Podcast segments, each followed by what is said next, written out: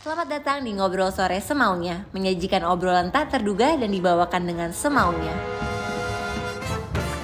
Halo, spesial banget di episode kali ini gue ditemani oleh Coca-Cola Hidupkan Semangatmu. Rasakan kesegaran Coca-Cola yang bisa hidupkan semangatmu bersama Coke Ayo. Kamu bisa dapetin Coke Ayo dengan cara cek link video di description box dan scan QR code di bagian akhir video tersebut. Atau kamu bisa cek linknya di bio Instagram Coca-Cola underscore ID. Bersama Coca-Cola dan Coca-Cola Foundation di episode kali ini kita akan ngobrol tentang spirit kolaborasi hingga kontribusi generasi muda. Jadi yuk langsung aja kita ketemu bintang tamu hari ini.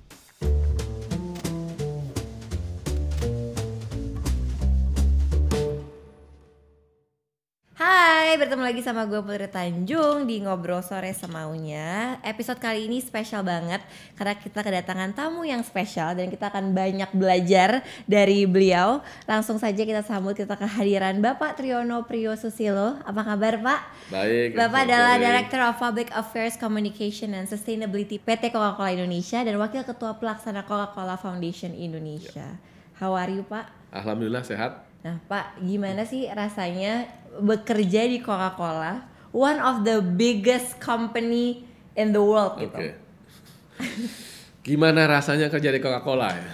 Eh, Oke.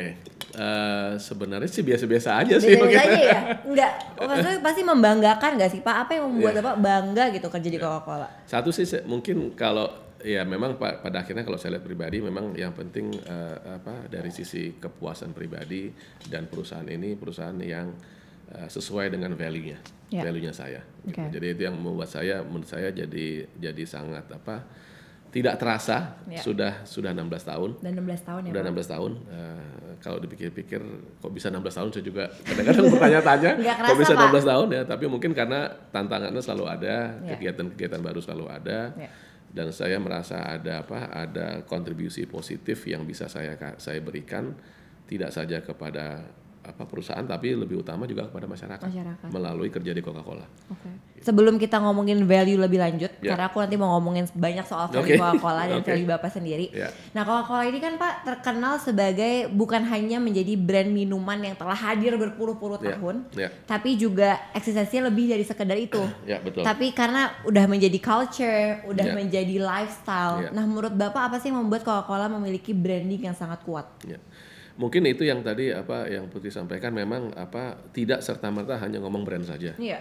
Tapi bagaimana brand itu punya value dan punya purpose. Ya. Dan di mana value dan purpose itu menya- nyambung dengan apa yang eh, masyarakat eh, rasakan. Iya. Itu yang mungkin kalau saya lihat adalah kenapa Coca-Cola bisa relevan selama lebih dari 100 tahun. Iya. Gitu loh. Jadi produknya sendiri eh, berkualitas, Iya.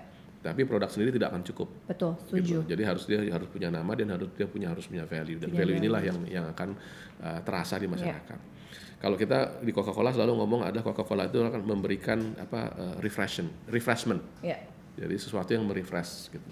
Tapi refresh itu kan juga tidak serta merta hanya ngomong refresh dari sisi minum konsumsi, Iya. tapi bisa merefresh mengenai apa uh, nilai-nilai Iya. nilai-nilai yang Value, mungkin value. value-value tadi Iya. refresh yang bagaimana kita sebagai individu bisa memberikan kontribusi ke masyarakat Iya. bagaimana kita bisa sebagai brand mendorong masyarakat untuk bisa lebih eh, baik terhadap sesama Iya. lebih ma- masyarakat juga bisa saling membantu secara bersama Iya. membuat perbuatan kecil yang bisa mendorong sesama lebih lebih apa lebih lebih baik lebih, lebih menolong sesama lah. Iya. Nah hal-hal seperti itu yang menurut saya akan membuat apa brand ini menjadi relevan, terus menerus. Betul. Gitu. Jadi relatable ya, Pak. Betul. Nah, Coca-Cola ini sebenarnya Pak punya sejarah sama aku. Oke. Sejarahnya adalah gimana karena tuh? waktu aku kuliah kan Nah. aku ngambil minornya advertising pak. Oke. Jadi aku ngerjain paper tentang Coca-Cola. Oke, Jadi oke. aku belajar banget Oke, nih lu jadi- jadi ahlinya nih, jadi ahlinya nih. brandingnya Coca-Cola. Ketemu ahlinya nih. Dan aku selalu percaya pak, oh good branding seperti yang bapak tadi bilang ya, punya dua menurut aku, punya promise dan punya value. Ya. Nah, kalau Coca-Cola sendiri Pak, tadi kan kita udah ngomongin value nih. Apa sih sebenarnya value-nya dan promise-nya apa untuk customer? Kalau dari sisi ke customer sudah secara langsung memang adalah intrinsic promise-nya adalah we, we, we are- kita akan memberikan produk yang memang uh, berkualitas dan tentunya akan menjawab dari sisi keinginan konsumen. Ya. Uh, kadang-kadang kita ngelihat konsumen kita itu juga apa uh, apa ya uh, kebutuhannya ber- berbeda-beda. Betul. Kebutuhannya berbeda-beda dan kadang-kadang timing untuk kebutuhan itu berbeda-beda. Ya, setuju. ya kan.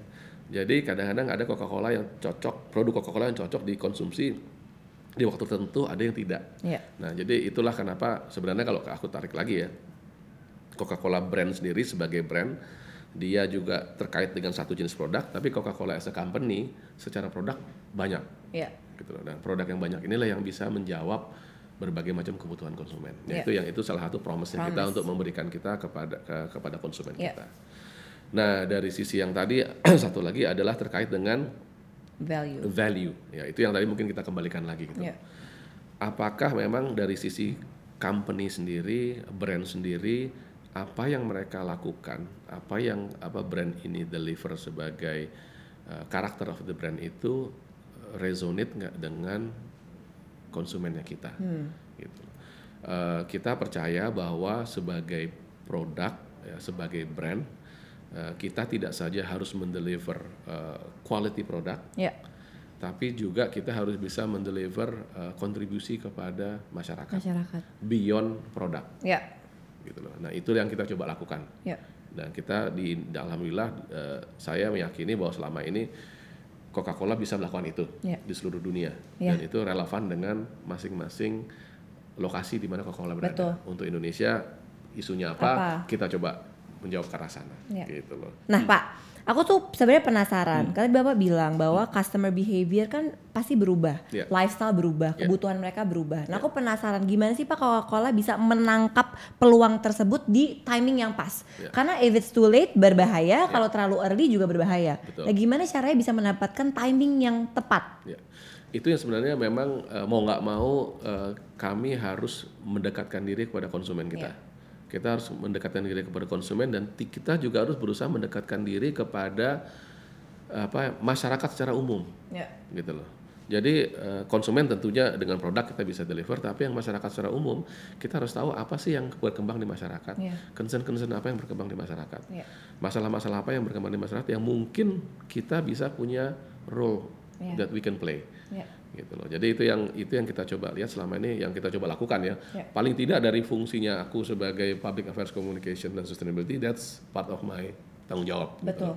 Untuk kita bisa bisa sama-sama cari inilah berdiskusi dengan teman-teman di mana di NGO, di Ya. konsumen, masyarakat, komunitas dan lagi dan lain sebagainya untuk cari masukannya seperti apa, Hmm. apa yang memang diharapkan dari Coca-Cola as a company. Jadi walaupun Coca-Cola udah perusahaan yang besar tetap harus adaptif ya, Pak? harus adaptif. Harus tetap agile ya, Bahasanya Pak, ya? benar harus adaptif. Iya, harus tetap adaptif. ya. Dan kita harus humble. Betul. Kita nggak boleh sombong. Kita harus tahu Betul. ya apa yang terjadi di Apa yang bawah. terjadi, betul. setuju. Nah, Pak, di title Bapak kan ada Coca-Cola dan Coca-Cola Foundation. ya Nah, bisa diceritain nggak sih, Pak, apa sih sebenarnya Coca-Cola Foundation? ya. Jadi Coca-Cola Foundation ini sebenarnya satu entitas non profit Oke. yang kita yayasan sifatnya yang kita bentuk di tahun 2000. Eh, tujuannya memang menjadi eh, apa tangan kita untuk kegiatan-kegiatan sosial. Oke. gitu. Nah, eh, kenapa kita bangun? Karena sebenarnya eh, kalau dulu-dulunya kita tetap melakukan kegiatan sosial, tapi banyak yang sifatnya sangat localized. Jadi di mana ada pabrik kita bikin kegiatan di situ. Nah, nggak salah gitu loh. Eh, tapi mungkin pada saat itu kita lihat tahun 2000 itu kan awal apa? Setelah Indonesia eh, terkena krisis 98 Ya. banyak masalah di Indonesia yang memang terus terang perlu bantuan berbagai berbagai pihak. Ya. Nah, kita melihat pada waktu itu salah satu yang kita masuk pertama kali adalah edukasi Ya. gitu loh. Karena alhamdulillah pada waktu itu kita sempat berdiskusi ke beberapa apa teman-teman beberapa, beberapa apa expert di bidang apa eh, edukasi di bidang apa CSR dan sebagainya disarankan untuk lihat deh edukasi deh Indonesia edukasi, edukasi itu penting Ya. Eh, tapi juga eh, harus tahu perannya di mana. Ya. Nah kebetulan pada waktu itu ke, kita masuk pertama kali itu ke perpustakaan Oke. perpustakaan umum. Ya. Kenapa? Karena memang waktu salah satunya kita lihat adalah perpustakaan umum itu eh, banyak di Indonesia, tapi underutilized, Ya. tidak dimanfaatkan dengan baik, Ya. gitu loh. Jadi Ya. pada waktu itu kita tahun 2000 kita mulai dengan perpustakaan. Oke. Gitu. Nah, ngomongin soal perpustakaan, Pak. Hmm. aku juga tahu bahwa Coca-Cola Indonesia Foundation Indonesia kan punya satu program waktu itu pernah berkolaborasi sama Bill and Melinda Hmm. Gates Foundation. Gates Foundation. Yes, Nah, itu yes. seperti apa sih, Pak? Eh, ya itu juga itu alhamdulillah menarik karena memang kita eh, mungkin karena kita konsisten, konsisten di perpustakaan Iya. di tahun 2000 eh, jadi kita me- melakukan pendampingan ke perpustakaan yang sudah ada Eh, jadi kita nggak bangun perpustakaan baru Iya. kita bekerja sama dengan perpustakaan di seluruh Indonesia Nah, konsistensi itu yang ternyata dilirik oleh Bill, and Melinda Gates. Gates. Karena mereka ternyata juga punya program yang serupa di Iya, Amerika. Betul. Ya kan? Karena Iya. Bill, Bill Gates sendiri kalau nggak salah ceritanya karena dia apa tidak tidak apa eh, tidak lulus Iya, ya kan iya. ternyata dia mem- memanfaatkan perpustakaan, Perpustakaan, untuk betul. untuk dia bisa sukses Iya. jadi dia merasa berhutang budi dengan perpustakaan sehingga laku, dia lakukan itu nah dia memang mencari partner di seluruh dunia Iya. untuk melakukan program uh, perpustakaan Iya. dia ketemu kita pertama kali tahun 2009 seingat saya Oke. 2009 dia keliling Indonesia, ketemu beberapa organisasi, ketemu kita, diskusi dan lain sebagainya. Eh, ya kita ceritakan apa adanya, eh, bagaimana kita melakukan program, Iya. apa tujuannya, apa tujuannya. Eh, Alhamdulillah tahun 2011 mereka kembali dan mereka menawarkan untuk bekerja sama, gitu loh. Jadi akhirnya kita bisa bekerja sama dari 2011 sampai dengan 2018, Iya. tujuh tahun. Wow, tujuh tahun. 7 tahun. Alhamdulillah eh, kurang lebih 1100 perpustakaan di seluruh Indonesia yang kita Wow. bisa kerjasama untuk bantu. Tapi yang bener sih Pak, menurut aku memang emang penting banget untuk masyarakat kita punya akses untuk bisa membaca. Betul. Karena Bill Gates pun juga selalu bilang kita tuh harus baca buku at least sehari satu kali gitu ya. Betul, Jadi kita biar betul. more knowledgeable. Iya. Nah Pak, tadi kan Bapak udah ngomongin soal kolaborasi.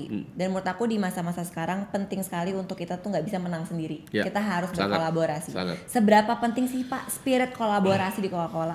Eh, sangat penting.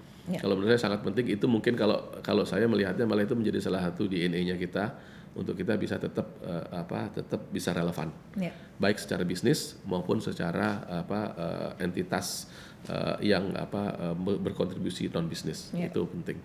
Eh, pada waktu kami melakukan kegiatan-kegiatan sifatnya sosial, gitu, umumnya kami akan selalu mencari partner, Ya. partner lokal, karena mereka yang pasti punya knowledge, local wisdom. Ya. Mereka tahu apa permasalahan di lapangan. Ya. Mereka yang bisa memberikan saran dan dan apa dan rekomendasi ke kami, Pak, ini yang mungkin perlu dilakukan karena apa kondisinya seperti ini Ya. gitu loh. Nah, caranya seperti apa? Ini mungkin caranya seperti ini. Nah, itu yang kami perlu konsultasi seperti itu. Dan memang eh, kalau kami lihat dari sekian banyak kegiatan program-program kami, ada yang di perpustakaan, ada yang terkait dengan air, terkait dengan sampah Iya. dan lain sebagainya, UMKM. Ya. Pasti kita bekerja sama dengan berbagai macam pihak. Ya. Apakah itu NGO, Betul. apa itu akademisi. Karena kita kami punya kepedulian, Ya. tapi ya kadang-kadang kami mesti paham knowledge kami bukan di situ, Iya, betul. expertise kami bukan di situ. Betul. Ada orang-orang yang jauh lebih pintar Betul. daripada kami untuk bisa melakukan itu dan kenapa nggak kita kerjasama? Betul, dengan kolaborasi hasilnya jadi lebih maksimal. ya, Hasilnya jadi lebih maksimal, besar. betul, betul. Nah tadi ngomongin soal edukasi dan Coca-Cola Foundation juga udah pernah bekerja sama sama Milan Hmm. dan Bill Gates Foundation gitu ya Pak. Kan juga aku tahu bahwa Coca-Cola ini banyak Pak berkontribusinya bukan cuma tadi ya soal Ya. perpustakaan edukasi, Ya. tapi ada society, Ya. environment dan concernnya terhadap yang paling ditonjolkan adalah um, waste, water dan entrepreneurship. Ya, Kenapa sih Pak memilih tiga ranah tersebut dan apa aja yang sudah dilakukan? ya. Eh, kenapa tiga? Kenapa tiga ranah itu Iya, ya? kenapa tiga ranah itu? Kenapa waste, water dan uh, entrepreneurship? Iya. Eh, memang itu yang kami melihat sebenarnya cukup relevan dengan who we are. Ya. as a as a as a company, Ya. uh, who we are as a business. Uh, kita banyak menggunakan air Ya. untuk produk-produk kami. Ya kan mau nggak mau produk minuman nggak mungkin Ya. juga kalau nggak pakai air. Ya. Jadi dengan sendirinya kami harus uh, uh, apa uh, menunjukkan kepedulian kami uh, terkait dengan bagaimana kita bisa mengelola air kita lebih bagus. Ya. Kami tentunya ingin uh, aspirasi kami adalah semua masyarakat itu uh, punya akses terhadap air Air. gitu loh. Tercukupilah hidup Ya. airnya gitu. Kami tidak menyediakan air baku. Kami menyediakan minuman yang memang sifatnya adalah secondary secondary apa Ya. eh, produk Produk. untuk mereka bisa apa mengkonsumsi. Tapi itu tadi kita kami perlu untuk apa menunjukkan keperluan kami di air. Kemudian terkait dengan waste, memang ini isu yang sudah berkembang adalah terkait dengan plastik terutama, ya kan. Eh, mungkin apa eh, masyarakat kita maupun di dunia pun eh, apa ya agak telat untuk melihat eh, apa ternyata plastik itu kalau nggak dikelola dengan baik dampaknya ternyata luar biasa Luar biasa betul. gitu kan. Nah kembali di sini apa eh, ya dari kami juga melihat adalah kami memakai produk ini, kami memakai plastik, tentunya kami juga perlu menunjukkan apa yang kita bisa contribute Ya. untuk mengelola dampaknya. Ya. Ya, makanya kita masuk di situ. Dan terakhir tentunya Entrepreneurship, wira ya, swasta. betul. Ya, nah sangat sangat apa sangat relevan sekali karena bisnis kami sangat mengandal- mengandalkan UMKM. Ya. 60-70% dari produk kami itu didistribusikan oleh UMKM UMKM. gitu. Jadi kami akan berusaha untuk bantu mereka Iya. terus menerus. Betul betul. Dan entrepreneurship juga lagi jadi topik yang jadi lagi sangat hangat juga sih Pak di Indonesia. Apalagi betul. sekarang se- banyak sekali anak-anak muda yang mau menjadi seorang entrepreneur. Iya. Dan sekarang anak-anak muda juga semakin kreatif-kreatif. Betul. Ya kan. Dan menurut aku juga salah satunya ada Coca-Cola juga em, ada solusi yang kreatif nih Pak dengan menggunakan plastik kan katanya. Hmm. Betul. Karena kan sekarang juga anak muda sekarang sangat aware nih. Pak terhadap isu lingkungan apalagi terhadap penggunaan plastik. Ya. Nah, cara kreatif apa sih Pak yang Coca-Cola lakukan Oke. untuk masalah ini? Ya, ya, jadi memang ini apa? Ini eh, eh, tadi seperti Putri sampaikan, kita coba menggabungkan antara kewirausahaan, kewirausahaan dengan isu per- isu lingkungan. lingkungan. Nyambung nggak sih? Gitu. Ya. Nah, jadi kita ada program yang sebenarnya kita kita inisiasi di tahun 2018. Ya. Kita nyebutnya Plastic Reborn. Oke. Eh, Plastic Reborn itu konsepnya adalah bisa nggak kita berpikir ulang eh, mindset kita terkait dengan plastik. Ya. Makanya kita sebut Plastic Reborn. Nah, idenya adalah plastik plastik ini tolong jangan dilihat sebagai satu sebagai sampah, tapi dilihat sebagai bahan baku yang bisa digunakan digunakan terus menerus. Ya. Bentuknya bisa ber- bisa berubah, Ya. tapi dia tetap bahan baku yang punya value, punya nilai. Ya.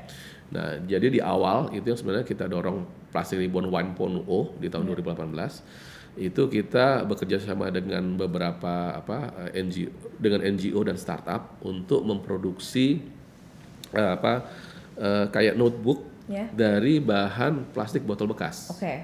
Gitu. Alhamdulillah dikumpulkan di Jakarta, Ya. dicetak di Bandung, Ya. gitu. Jadi di, dijual di Indonesia ya di? Indonesia Ya. dan dijualnya di e-commerce. E-commerce. Gitu. Alhamdulillah berhasil, sukses Iya. gitu loh. Jadi lumayan startupnya juga bisa apa mendapatkan income dari situ. Betul. Nah, kita lihat oh ternyata ini sudah mulai dipahami nih teman-teman Iya. apa masyarakat sudah bisa lihat ternyata sudah ada value-nya. Nah, tapi ternyata di situ berkembang lagi ada ada isu tambahan yaitu apa? Pengumpulan sampah Iya. ternyata menjadi problem. Ya. Karena apa? Ternyata sampah tuh banyak banget di Indonesia Iya. dan terus terang infrastruktur pengumpulannya belum cukup. Hmm. Nah, jadi kita berpikir adalah eh, apa evolusinya dari plastic ribbon sa- 1.0 adalah plastic ribbon 2.0. Oke. Fokusnya adalah collection. Hmm. Tapi kita tetap mau ada wirausahanya masuk. Ya. Jadi akhirnya kita kita bersama-sama dengan partner kita, ayo kita coba cari apa eh, eh, startup startup anak-anak muda yang kreatif yang memang bergerak di situ. Ya.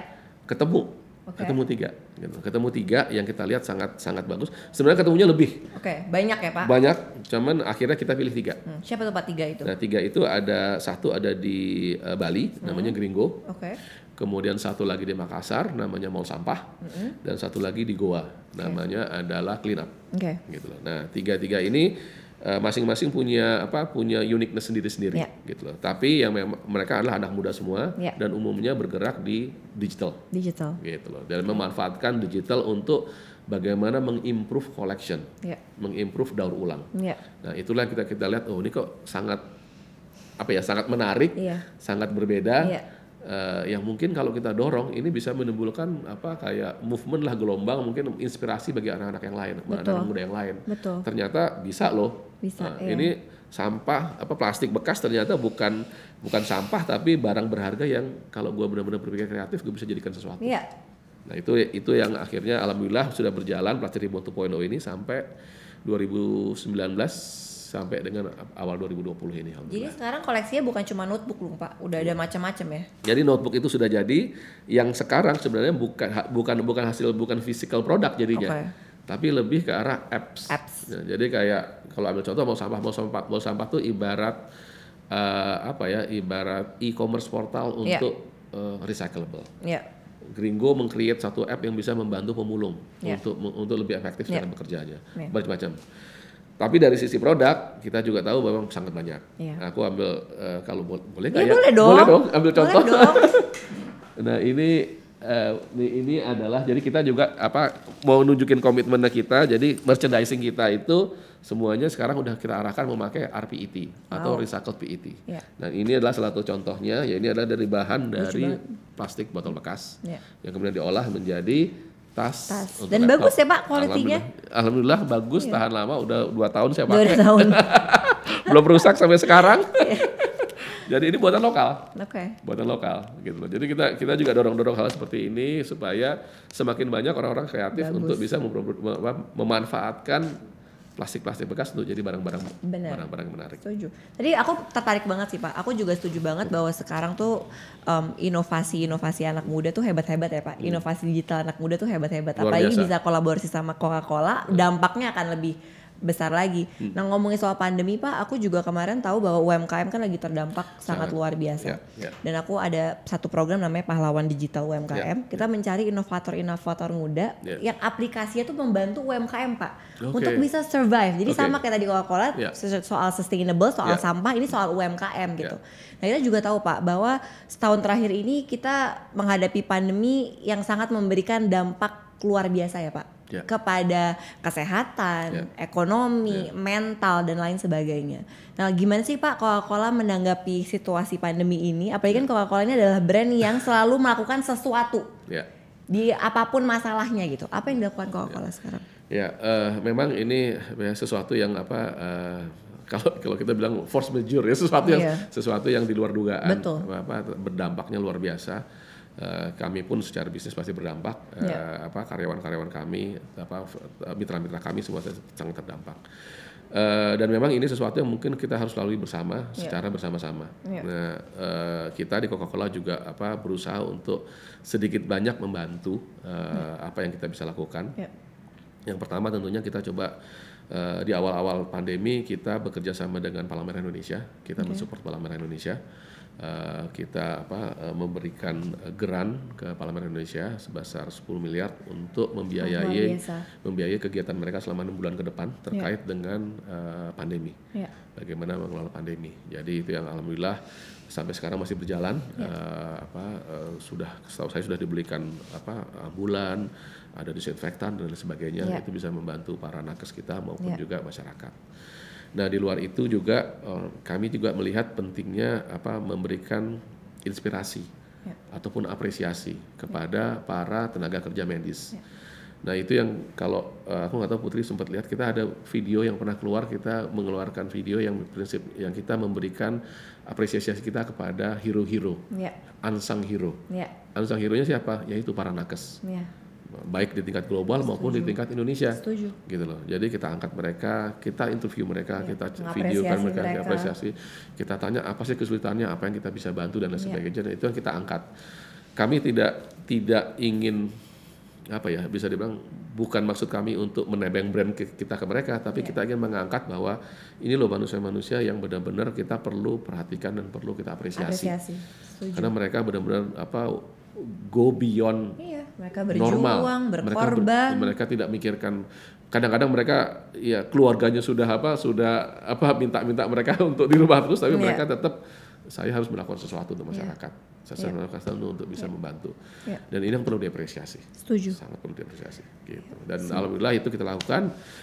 Eh, kami juga coba untuk lakukan juga terutama teman-teman pemulung Ya. ya karena memang ternyata pemulung juga terdampak Terdampak ya. karena mereka kehidupan mereka mereka tuh butuh mengumpulkan sampah untuk bisa hidup di hari itu Ya. gitu loh jadi pendapatan mereka adalah day by day Day by day. Ya. gitu loh nah kalau eh, begitu pandemi akses mereka untuk ngambil sampah kadang ter- terbatasin Iya. ya kan kemudian kalau mereka bisa ngumpulin sampah mereka nggak bisa jual karena pabrik-pabriknya tutup nggak boleh Iya. produksi Iya. gitu jadi mereka juga kesulitan jadi ya, ya kita coba bantu sebisa mungkin apa yang kita lakukan Iya. Semoga dengan semua semangat gotong royong bareng-bareng ini ya Pak, Amin. semoga cepat selesai dan cepat berakhir Amin. uh, pandeminya. Semoga kita juga tetap semangat dan stay safe always. Nah Pak, aku mau tahu dong ke depannya Hmm. apa sih target besar Coca-Cola as a brand yang sudah hadir hingga 93 tahun ya Pak, sudah hadir di Indonesia gitu. Apa sih Iya. ta- goal apa lagi yang ingin dicapai? Oke. 1927 pertama kali produk kami ada di Indonesia. Iya. 1932 pertama kali pabrik ada di Indonesia. Iya, iya. Alhamdulillah udah cukup lama. Jadi kami sudah merasa bahwa kami eh, adalah perusahaan Indonesia. Ya. Brand Indonesia. Kami adalah bagian daripada Indonesia. Ya.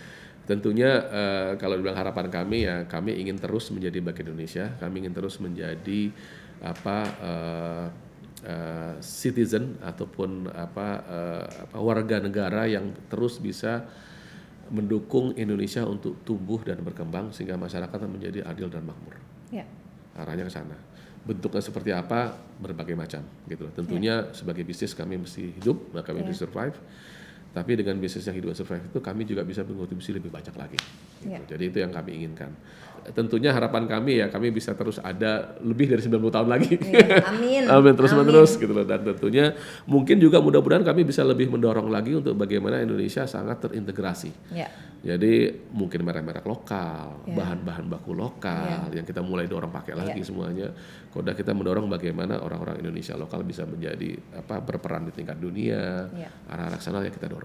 Ya, keren sih Pak. Pak, tadi aku mau nanyanya spesifik nih Pak. Monggo. Kan kita Silakan. nanti obrolan kita bakal forever stay di YouTube. Ya. ya kan Pak? Nah jadi kalau aku spesifik lima tahun ke depan, Hmm. apa perubahan yang diharapkan sudah terjadi di Indonesia atas kontribusi Coca-Cola? Oke, jadi mungkin kalau saya, saya coba berpikir lagi memang eh, dari sisi beberapa kegiatan kami, tadi saya sebut misalnya plastik ribbon salah satunya, kemudian ada juga yang terkait dengan air misalnya embung. Ya. Kita membangun apa eh, apa waduk-waduk kecil yang berfungsi menangkap air hujan untuk masyarakat. Kemudian ada yang tadi dengan kewirausahaan. Harapan kami lima tahun ke depan adalah eh, all those kegiatan, all those activity itu bisa memberikan kontribusi positif dan meningkatkan taraf hidup masyarakat Ya. yang terdampak. Eh, karena yang kita tentunya pada waktu kami melakukan kegiatan, salah satu yang yang apa dari awal kami apa kami eh, eh, pikirkan adalah bagaimana program-program tersebut nantinya bisa dikelola langsung oleh masyarakat, Ya. sehingga masyarakat bisa benar-benar dapat 100% impact-nya Impact-nya. gitu. Ya.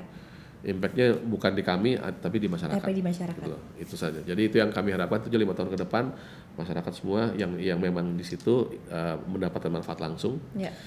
Di luar itu tentunya kami harapan kami kami tetap bisa terus untuk berkontribusi lebih lagi Ya. dari apa yang kita sudah lakukan. Ya. Mungkin kami plastic ribbon kami expand lagi, Expand lagi, betul. Ki- kita bisa expand sama lagi, anak-anak Wirausaha besar bisa betul lagi. betul gitu loh. Betul. Jadi itu yang yang kami harapkan terus bisa terjadi. Pertanyaan terakhir Pak, Hmm. karena Bapak tadi selalu bilang bahwa em, kolaborasi adalah peran yang sangat penting itu Hmm. ya spirit yang Coca-Cola sangat selalu bawa gitu. Apalagi Bapak juga bekerja sama sama anak-anak muda. Hmm. Apa sih Pak pesan yang ingin Coca-Cola sampaikan kepada generasi muda Indonesia? Jangan berhenti berkreasi. Ya. Jangan takut untuk gagal, Ya. jangan takut untuk mencoba gitu loh Eh, kadang tantangan ataupun apa eh, apa eh, sesuatu yang mungkin kelihatannya ganjalan tapi itu sebenarnya opportunity Ya. gitu loh. Eh, dan apa kalau kita melakukan konsistensi dengan konsisten insya Allah akan jalan akan terbuka Tuhan pasti akan memberikan jalan yang terbaik Setuju. gitu loh jadi kalau aku reflect lagi ya kembali ke program-program kita ya ibarat perpustakaan lah 2000 kita mulai ternyata ujung-ujungnya Bill Gates datang dan akhirnya kita kerjasama kita expand besar-besaran masih Betul. gitu loh itu yang menurut saya contoh nyata yang ternyata oh ternyata bisa loh Ya. Jadi jangan berhenti ya Pak. jangan Terus. berhenti, jangan berhenti anak-anak muda anak-anak muda adalah adalah pewaris negara ini pewaris apa Indonesia Kita punya tanggung jawab besar ya Pak. kalianlah yang nanti Iya. akan membangun Indonesia ini ya kalianlah yang akan nanti akan membawa Indonesia ini menjadi apa negara dengan eh, yang berada pada tempatnya yang layak di dunia Iya. Gitu loh jadi ya selalu optimis selalu positif Amin. Thank you Pak. Pak Sama-sama. terima kasih banyak. Terima kasih banyak Sudah ada waktunya Eh, di ngobrol sore semaunya. Ya. Nah sebenarnya Pak indahnya kolaborasi adalah kita ngobrol sore semaunya bekerja sama sama Coca-Cola. Kita akan mendonasikan 25 juta rupiah alhamdulillah ke penanganan COVID-19.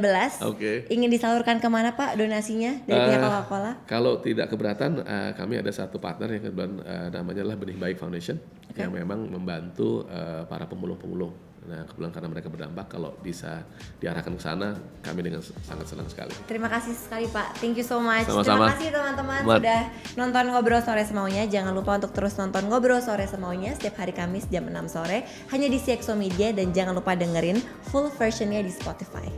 Bye bye.